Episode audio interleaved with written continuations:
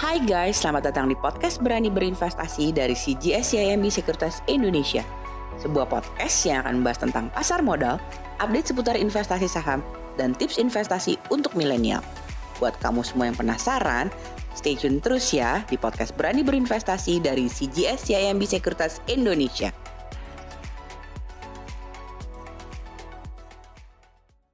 Hai teman-teman semua, kita ketemu lagi nih di podcast Berani Berinvestasi bersama CGS CMB Sekuritas Indonesia tentunya.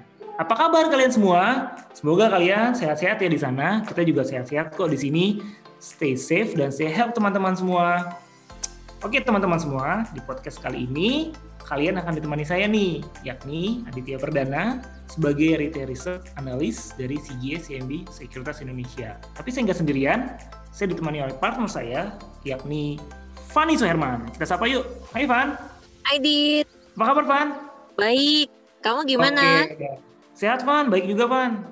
Iya Van. Hmm, kita ketemu lagi di podcast nih Van dan tentunya uh, kita memiliki tema yang pastinya ini penting banget ya karena kalau saya perhatikan sendiri nih Van kalau dari pandangan pribadi saya selama satu minggu sampai dua minggu terakhir ini uh, kalau saya baca berita banyak demo ya yang uh, mereka kalau ditanya ya mereka menggugat ataupun mereka masih nggak setuju nih dengan adanya uh, salah satunya adalah undang-undang omnibus law ini Van gitu loh ya. Jadi banyak hal-hal yang mereka lihat negatif nih. Tapi tentunya saya pengen tahu juga ya Van. Pastinya di sini juga kita pengen tahu teman-teman juga pengen tahu juga nih. Sebenarnya pasti ada positifnya kan Van? Dengan adanya uh, strategi atau regulasi yang dilakukan oleh pemerintah saat ini. Khususnya di dalam uh, undang-undang cipta kerja omnibus law ini nih. Jadi uh, biar kita semuanya sama-sama bisa uh, mengerti ya uh, manfaatnya apa sih untuk ekonomi dan pastinya juga untuk pasar saham juga nih ya kan? Um, saya juga pengen tahu sih. Oke jadi saya pengen tahu pertama adalah uh, Van di tanggal 5 Oktober lalu ya jadi kan udah ada omnibus ini udah disahkan ya dan Benar, tentunya ini bagus untuk ekonomi kita ya Van ya. Pasti nggak sih Van? Menurut Van gimana Van? Oke nah omnibus ini itu sebenarnya adalah reformasi yang paling komprehensif nih Dit sejak uh, Asian Financial Crisis 1998 dan ini berpotensi menjadi game changer untuk ekonomi kita. Ini salah satu momentum dan perubahan yang cukup penting juga nih ya karena kalau tadi Fanny bilang dari sejak uh, krisis Asia ini finansial Asia di tahun 98 lalu mm -hmm. ya oke. Okay. Jadi sebenarnya uh, regulasi atau komprehensif perubahan ini meliputi banyak aspek dong, Van? Benar banget nih, Dit. Dan ini pun masih uh, sebenarnya belum benar-benar detail ya, gitu. Karena detailnya nanti akan dikeluarkan lagi dalam peraturan pemerintah yang ditargetkan kira-kira tiga bulan ke depan nih akan keluar lagi. Oh, Oke, okay. jadi uh, biar lebih clear ya, lebih detail ya nanti mm -hmm. bulan depan.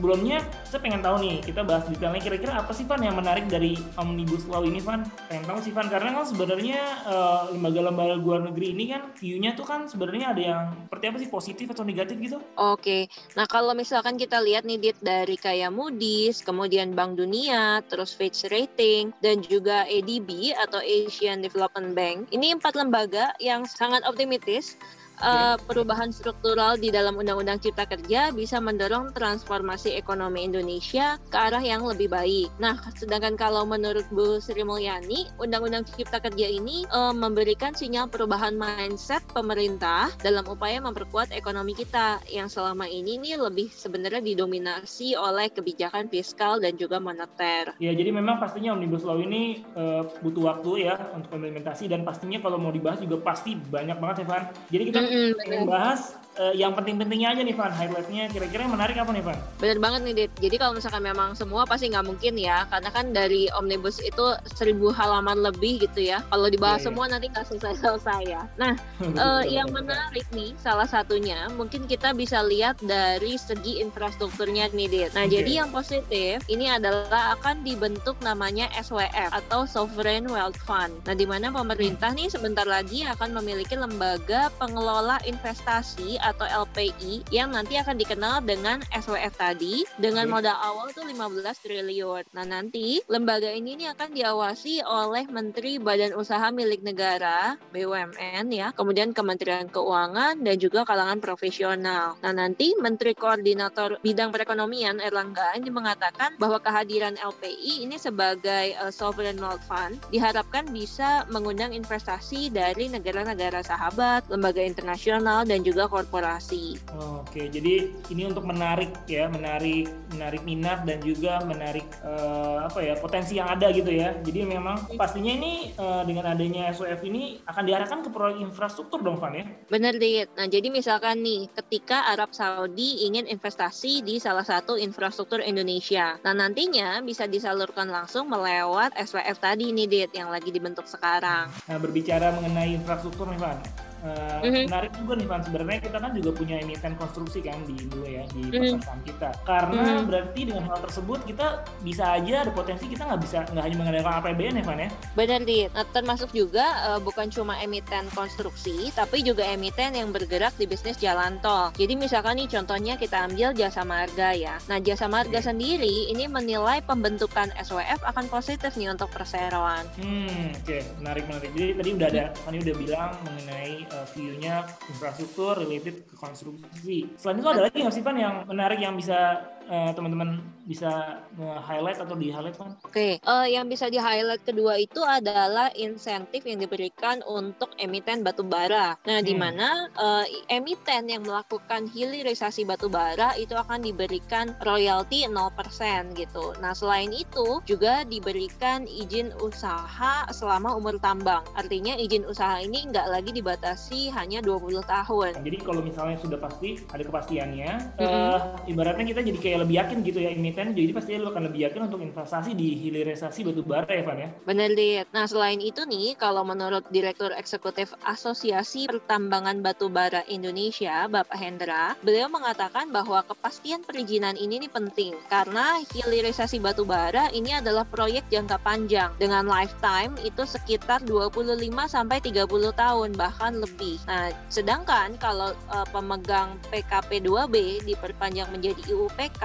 itu masa izinnya nih hanya 20 tahun gitu. Jadi memang ke, betul banget ya Van. Jadi memang kemarin ada isu juga ya eh, mengenai eh, hal tersebut ya. Hal ini apa nih memang yang masih menjadi eh, masalah hangat di emiten-emiten batu bara. Jadi memang dengan Mhm. adanya hal ini investasinya pasti akan lebih lancar ya Van. Iya, semoga begitu ya. Nah, selain itu nih, Dit, nanti kalau misalkan ada detail tentang kepastian serapan pasar dari produk hilirisasi batu bara dan juga tentang kepastian harganya, pasti ini akan lebih positif lagi nih ke depan. Contohnya nih, misalkan emiten yang sudah mulai hilirisasi adalah PTBA kan. Nah, PTBA ini Ya. sedang mengembangkan namanya DME. Ini dari batu bara mau diubah menjadi gas. Di mana nanti ini adalah substitusi dari LPG ke depan. Ini menarik banget Ivan. Jadi sampai dengan sejauh ini aja kalau tadi saya sudah dengar dari Fani itu udah banyak banget potensi dan sektor-sektor yang diuntungkan. Saya pengen tahu lebih lagi nih, Van. Nah, selain itu Mhm. kan kalau nggak salah ada perubahan kepemilikan asing di properti ya, Van ya? Benar nggak, Van? Bener, Dit. Nah, jadi asing saat ini itu diperbolehkan memiliki apartemen tanpa tanah dan bisa memiliki strata title. Dari sebelumnya nih nggak boleh ada hak milik. Nah, sebelumnya Hmm, WNA itu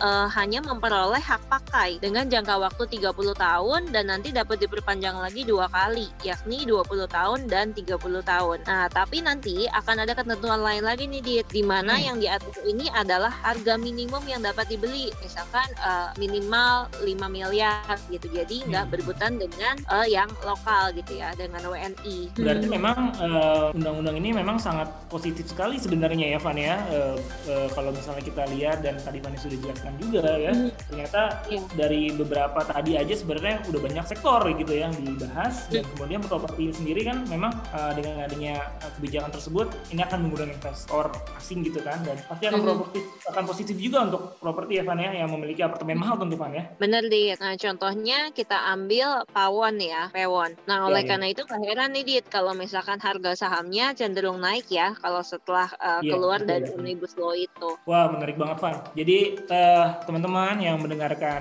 podcast kali ini, eh, jadi itu tadi ya. Jadi kalian tuh sebenarnya eh, jangan hanya melihat dari luarnya aja gitu ya. Uh, pastinya kita harus lebih lihat uh, mendalam, baca dulu, kita lihat pastinya tentunya kebijakan yang dibuat itu oleh pemerintah khususnya adalah tujuannya adalah untuk bisa uh, memberikan uh, perbaikan atau kondisi yang lebih positif tentunya untuk ekonomi kita. Benar nggak, Van? Benar, Lid. Nah, jadi thank you banget, Van, atas sharing-sharingnya yang tadi Fanny sudah uh, jelasin juga teman-teman semua itu juga sudah cukup banyak juga Van ya potensi atau katalis positif tentunya untuk uh, apa untuk pasar saham di Indonesia ya. Jadi memang uh, pastinya bermanfaat banget lah podcast kita kali ini dan thank you berat Van atas waktunya dan penjelasannya juga dan bagi teman-teman semuanya jangan lupa terus uh, follow dan pantengin terus podcast dari CGSMB Securities Indonesia di Berani Berinvestasi. Sampai jumpa di podcast selanjutnya. Salam hangat dan sehat semua. Sehat selalu teman-teman semua. Thank you, Van. Bye. Thank you, Bye.